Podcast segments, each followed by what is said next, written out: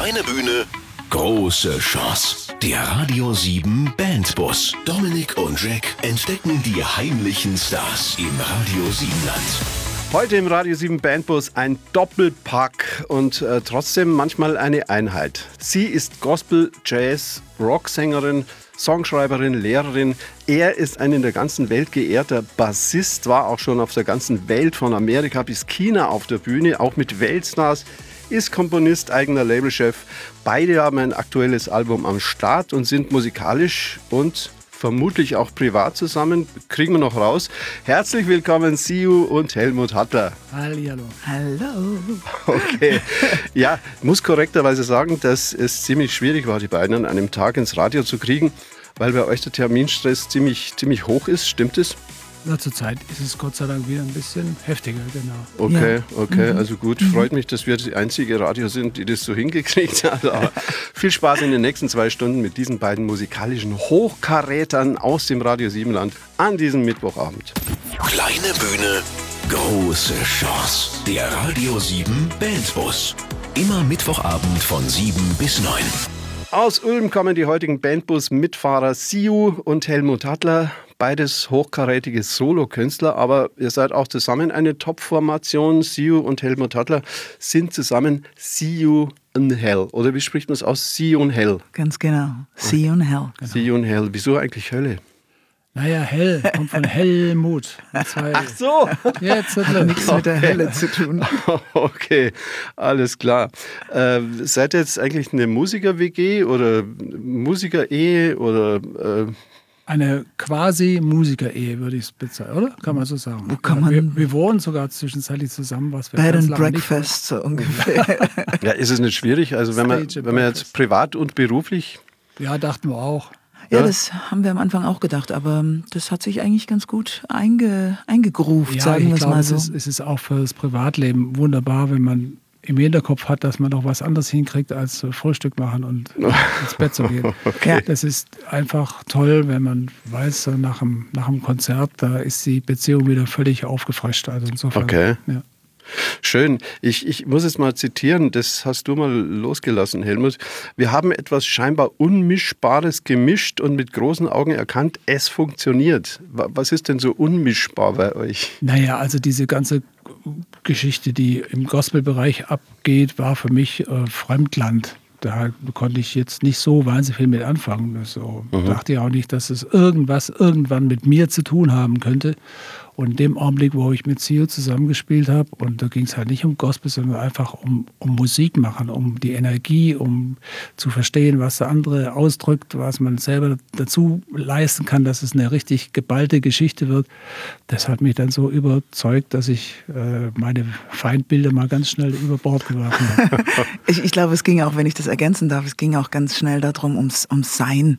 Einfach nur jeder von uns konnte sein, konnte er selber sein und das haben wir zusammengepackt und geschaut, wo ist die gemeinsame Schnittne Schnittmenge. Und ähm, da ist ganz Tolles und Interessantes rausgekommen. Ja, das kann man sagen. Also es gibt auch ein aktuelles Album von dir, Signs of Love. Genau. Und da sind schon einige gemeinsam eingespielte Nummern drauf. Äh, Würde man gerne eine anhören. Welchen schlägst du vor? Also ich würde sofort mit dem ersten Stück beginnen, mit Signs of Love. Titelstück, ja, gern. Ja. Okay, was steckt dahinter? Oh, das ist ein persönlich sehr, sehr, sehr wichtiges Stück, weil es sehr viel mit uns zu tun hat und in einer Zeit entstanden ist, die sehr existenziell war.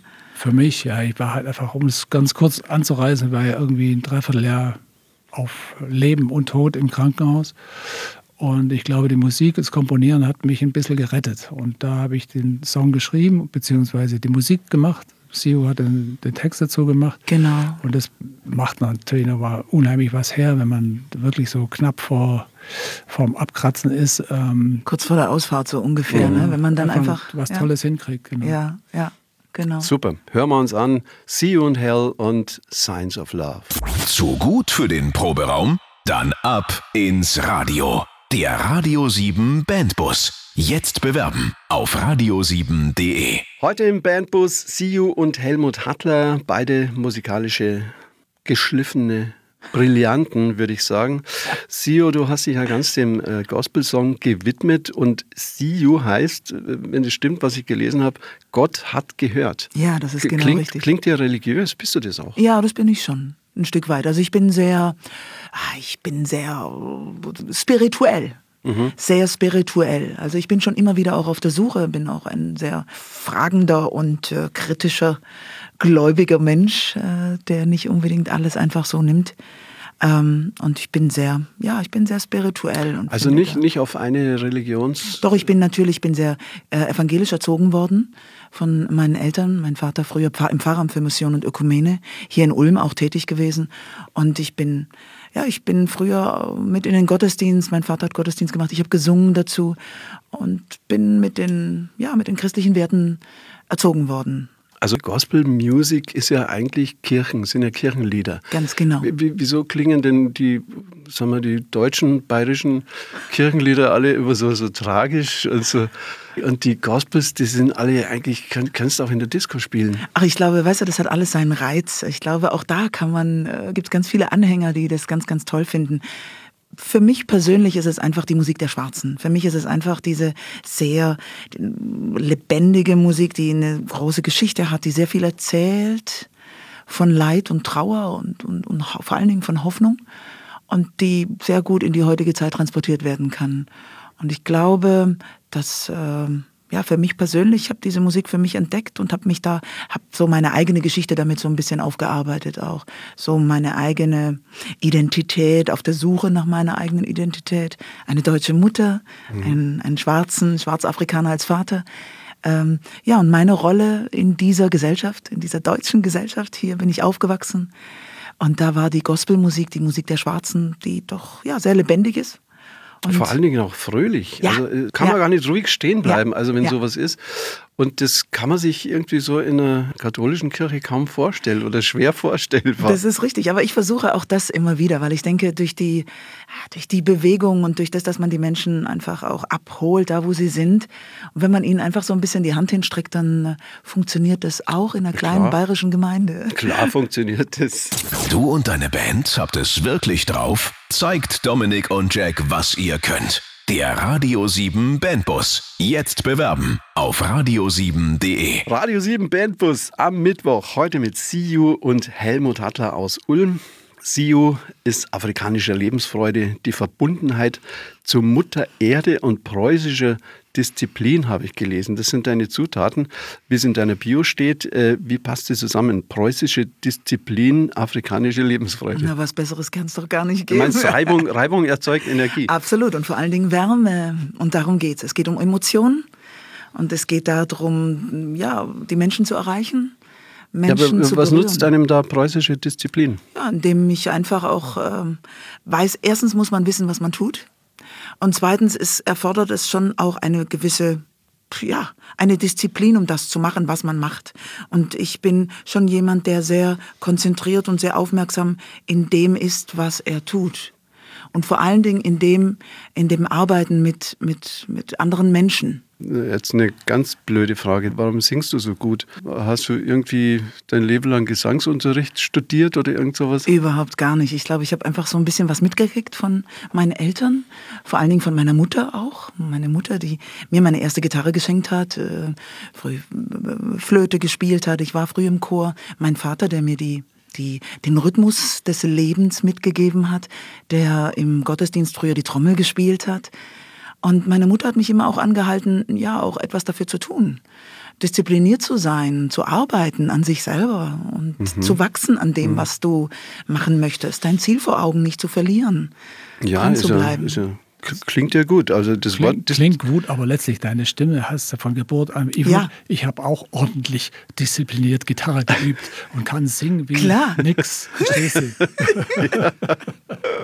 Okay, Ja, du hast es stimmt. einfach so, du hast es einfach so drauf gehabt und Mein Vater hat natürlich immer auch gesungen und, und, und äh, ich, bin, ich bin so erzogen worden. Ich glaube einfach, ähm, bin sehr, sehr körperlich auch und habe es ganz von Kind an gelernt, mit meinen allen Sinnen zu, zu leben. Sehr lebendig, sehr körperlich und die Stimme einzusetzen und auch meine Hände einzusetzen, zu klatschen, ähm, mich zu bewegen.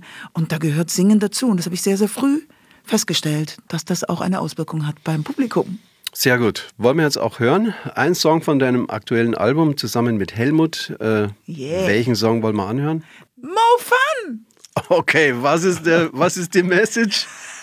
Ah, die Message, da muss ich halt was dazu sagen. Das ist einfach der Spaß unterhalb von Null. Ich bin manchmal so ein Typ, der gerne in den Abgrund blickt. Also nicht nur die schönen Dinge anguckt, sondern auch eine gewisse Freude an äh, debilen und äh, morbiden Dingen hat. Und äh, ja, also da geht es jetzt nicht genau darum, aber es ist so eine Geschichte, es ist, äh, wie geht der Text? okay, wir hören einfach drauf.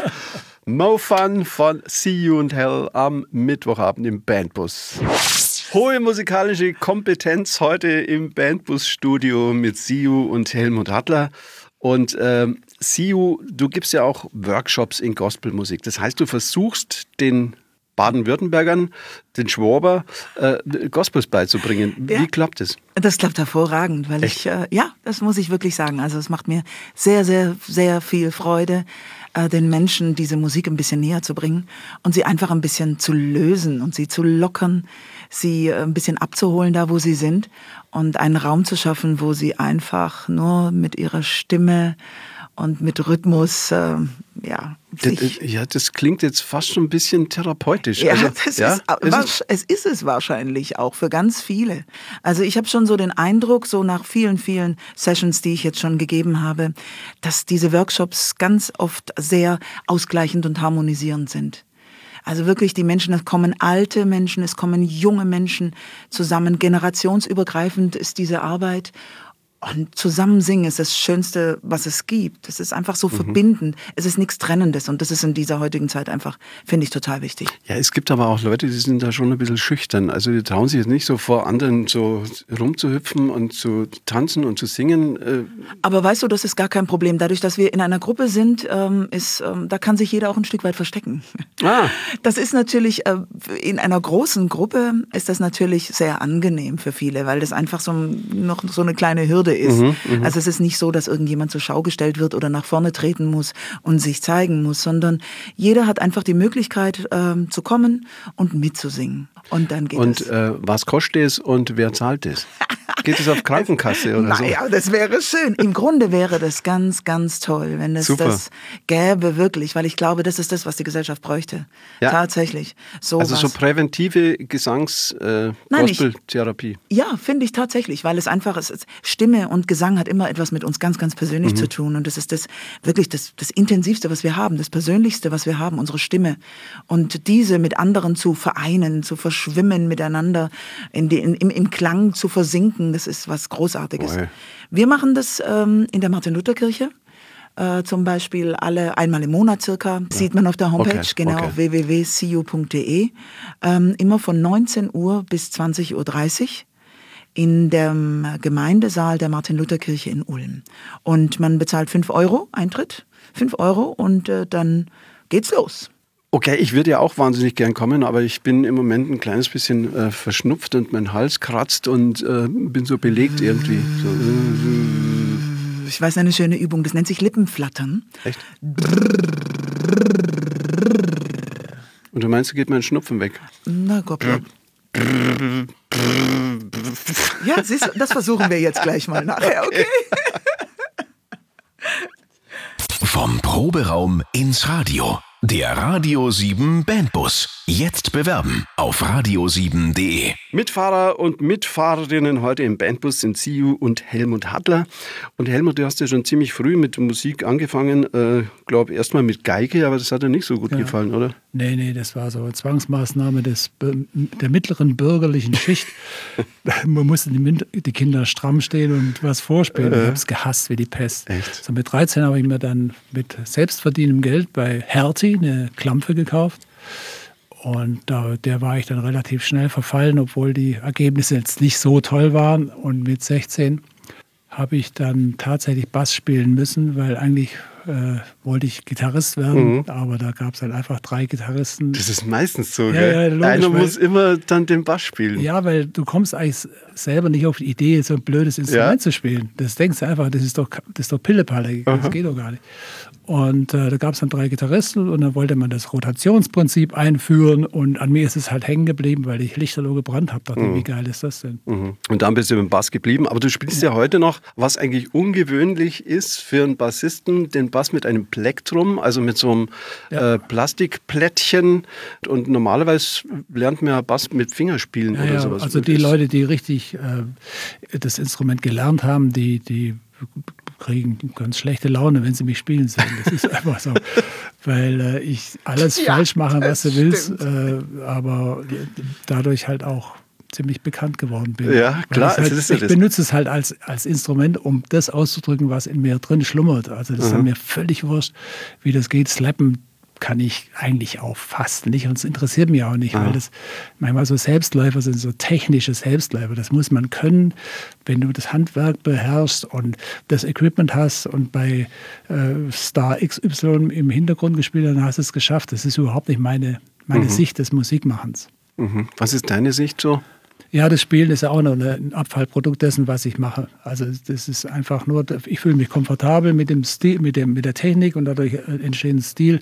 Aber der Hintergrund ist halt einfach Songs zu machen, äh, Kompositionen zu machen, die ganzen, also ganz viele Kransachen, ganz viele Tattoo-Sachen und sowas sind das alles Kompositionen, die, die aus diesem Riesentopf des, äh, meines Seelchens entstanden mhm, sind. Mhm. Komponierst du so aus dem Kopf raus, direkt aus dem Kopf aufs Blatt am besten, oder, besten gar oder nicht am aus Bass dem Kopf? Oder am Klavier? Oder? nee, nee, Bass, ist, Bass, nicht. Bass ist tatsächlich mein Instrument. Aus dem Bass raus? Ja, ja.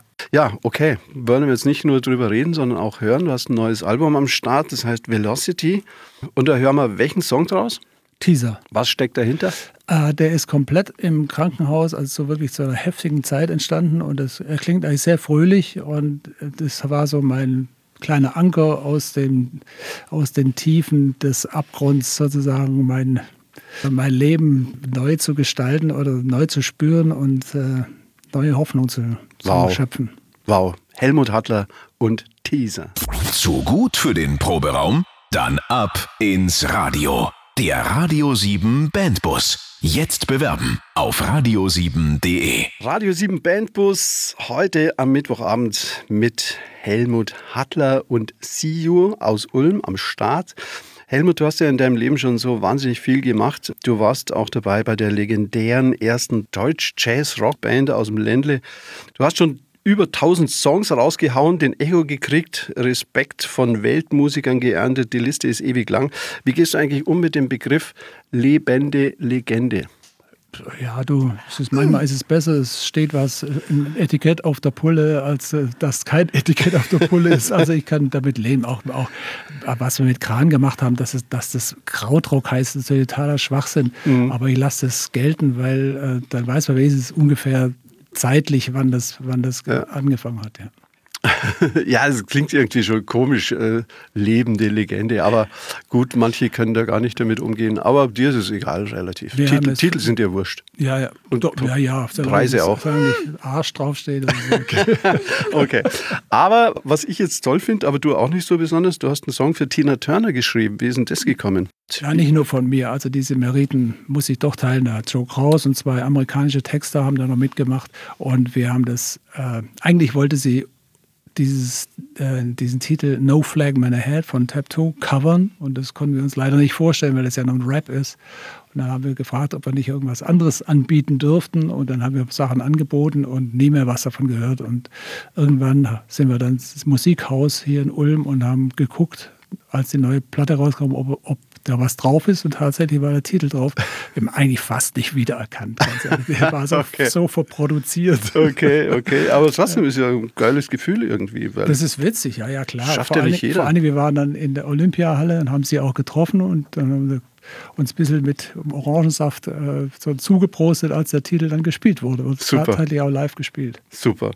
Du hast ja auch schon in fast allen Ländern dieser Welt gespielt. Wo, wo warst du noch nicht? Das ist einfacher Afrika. Australien. War ah, okay. Aber in China warst du schon. Und äh, da sieht man da unten, wie so die Polizisten so sitzen, mit offenen ja. Mündern, regungslos. Da, da, denkst du, hey, haben die jetzt Angst oder was? Oder kriegen die einen Herzinfarkt? Was denken ja, die, die? Nee, ich glaube, die wussten wirklich nicht, was ihnen geschieht. Weil, geschieht, weil die mussten halt vorne sitzen, vor dem Absperrgitter und haben gesehen, wie die Leute, die erst reserviert da stehen, völlig abgehen und dann wussten die nicht so ganz, müssen sie jetzt eingreifen oder sitzen bleiben oder so. Aber es ging alles gut und wir haben es artig ver verbeugt und dann war auch alles gut, waren sie auch freundlich zu uns. Alles super. Ja, den würde ich gerne hören. What you gonna do? Okay. See you und Hattler heute im Radio 7 Bandbus. Beide kommen an Ulm und die Frage ist natürlich, was ist toll an Ulm? Und der Helmut hat mal in einem Interview gesagt, was ich übrigens grandios finde, er hat wörtlich gesagt, ich zitiere, Ulm ist eine Stadt, die dich in Ruhe lässt, wenn du in Ruhe gelassen werden willst und die dir alles gibt, wenn du sie brauchst. Besser geht's nicht. Ja, das ist nach wie vor meine Einstellung zu dieser Stadt. Absolut. Co coole Stadt, ja, stimmt. Total, ja, kann total ich auch super. unterschreiben. Aber was passt euch nicht an Ulm? Was gefällt euch nicht? Oh, ich, Ich wüsste es auch nicht. wüsste ich jetzt nicht. Also ich würde jetzt gar nicht so sehr darauf eingehen. Gut, äh, jetzt kommt der Heimatcheck und die Frage Nummer eins. Ihr habt immer drei Antwortmöglichkeiten und ihr müsst die richtige rauskriegen. Entweder wissen oder raten. Manche Fragen kann man aber auch gar nicht wissen. Frage Nummer eins. Was wurde 1892 in Ulm hergestellt? A. Die erste Feuerwehrdrehleiter. B. Der erste Zylinderhut. Oder C. Die erste lederne Hundeleine. Oh mein Gott, also ich würde fast mit der Feuerwehrleiter daherkommen. Drehleiter, ja. Aha. Wie, wie, wie kommt ihr da drauf? Magirus? Magirus, Iveco. Ja, gut. Also ein Punkt für euch. Macht keinen Spaß, sehe ich jetzt schon. Frage Nummer zwei. Wo sieht man eine alte Ulmer Schachtel als Sekko-Malerei? Sekko-Malerei. A. Auf einer Metallplatte auf dem Münsterplatz. B. An der Wand eines Freudenhauses am Blaubeurer Ring. Oder C. An der Wand des Rathauses Ulm. Ich habe überhaupt keine Ahnung, aber ich würde einfach der Spaßhalber dem Freudenhaus den Vor Vorzug geben. Also ich würde jetzt sagen, es ist das Rathaus. Aber Ja, jetzt habt ihr ein Eheproblem. ja, äh, wahrscheinlich. Komm du mir heim. Ihr müsst euch entscheiden. Also entweder Ich finde es lustig. Ich fände es eine tolle Idee, wenn eine alte Ulmer Schachtel am Freudenhaus kleben würde. Okay. Okay, ich, Siu gibt ich klein bin bei. immer, ja, ich gebe klein bei. Okay, dann muss ich Wobei- sagen, bäh. Siu hätte recht gehabt. Ja, ich wusste es! Ja klar, aber es gibt ja keine Freunde. Okay. keine Also- ich wollte ihm halt auch mal äh, recht Ich bin geben. geneigt, einen halben Punkt zu geben. Ja. Also gut, jetzt müsst ihr euch aber wirklich jetzt reinhängen. Frage Nummer drei. Im Mittelalter war Ulm eine reiche Stadt in ganz Europa. War Ulmer Barchent so begehrt und so gut wie Geld? Was ist es überhaupt? Ist das A. Ein Heilmittel gegen Impotenz, das aus getrockneten und gemahlenen Rattenschwänzen gewonnen wurde? B. Ein Mischgewebe aus Leinen und Baumwolle? Oder C. Eine vergoldete Kupfermünze aus Silberschlacke? Nee, ist B. B, Absolut. Barchen ist einfach ein, ein Gewebe. Gewebe. Mischgewebe aus Leinen und Baumwolle. Ja. Das ist richtig. Und das heißt also, ihr seid klassifiziert und zertifiziert als astreine Ulmer. Auf geht's, Ulmer! Ulmer. Wow, und weil die Stimmung jetzt gerade so gut ist, wieder Musik von Hattler. Was schlägst du vor? Ich würde vorschlagen, einen Titel von meinem äh, von meiner LP, also richtig Vinyl, die im September rauskam, zu spielen. Und zwar das herrliche Too Bad.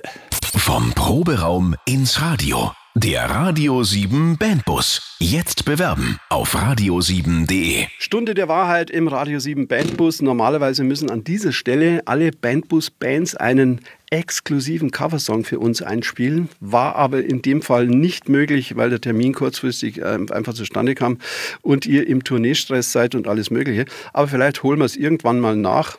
Aber mal Frage so nebenbei, würdet ihr auch irgendwie einen Coversong von Rolling Stones spielen oder vom DJ Ötzi oder Helene Fischer oder so? Die kennen wir jetzt gar nicht so, aber ähm, Wir haben, wir haben, also CEO ist schuld damit, dass ich mal in meinem Leben die allerersten Covers gespielt habe. Da ist dann Word Up zum Beispiel von Cameo oder Come Together. Come Together von, Okay. von Ah, lean on me genau. when you're not strong. Cool, cool. Drei, Hey. drei Ja, ich ich finde es eigentlich nicht so schlimm. Also viele, viele gute Musiker finden es schlimm, Cover zum Spielen, aber Fand ich, ich auch. Ich dachte, ich war da ganz militant sogar. Ich glaub, Echt? Ja, niemals. Ich bin selber Künstler, aber CEO hat es geschafft. CEO hat, Okay. es, hat es vorgeschlagen, äh, gleich vom Anfang was zu, was zu probieren. Ich habe mich dann einfach ihrem Charme ergeben und gesagt, ja, dann probieren wir das. Und Ganz es ist bis genau. jetzt, bis jetzt äh, hat, hat sich das eigentlich ganz gut bewährt, weil wir wirklich auch eigene Versionen draus machen. Ganz genau. Nur noch eins, äh, wie schafft man es in diesem Monkey-Business? Also da geht es ja auch viel um Geld und um, um Begehrlichkeiten, um Eitelkeiten und äh, um Bauchpinselungen, alles mögliche, falsche Leute. Äh, wie schafft man es in diesem Monkey-Business völlig normal und geerdet zu bleiben, so wie ihr jetzt seid? Ich glaube, wenn man sich äh, den, den äh, Mechanismen des, des Plattenfirmengeschäfts entzieht, kriegt man ganz plötzlich einen ganz klaren Blick auf die Dinge. Das heißt, wir sind ja sozusagen Selbstvermarkter, wir bringen unsere Platten selber raus. Und das erdet total. Also da hat man nicht so das Ding, meine Plattenfirma muss äh, eine, eine Stretch-Limo anbringen, damit ich mich wohlfühle, überhaupt nicht. Und äh, es ist ja, sehr aber, gesund. Ja, aber ich meine, dich kennt man ja auch in Amerika. Du hast ja schon viel mit vielen bekannten Leuten zusammengespielt.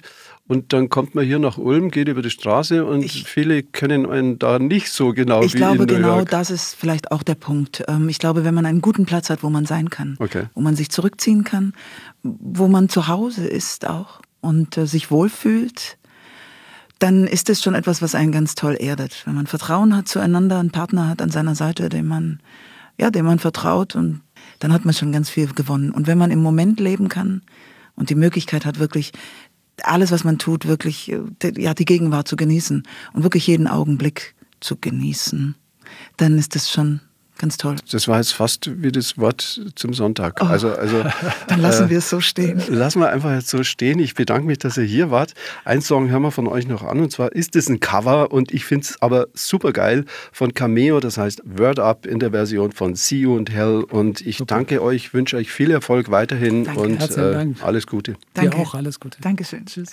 Kleine Bühne, große Chance. Der Radio 7 Bandbus. Immer Mittwochabend von 7 bis 9.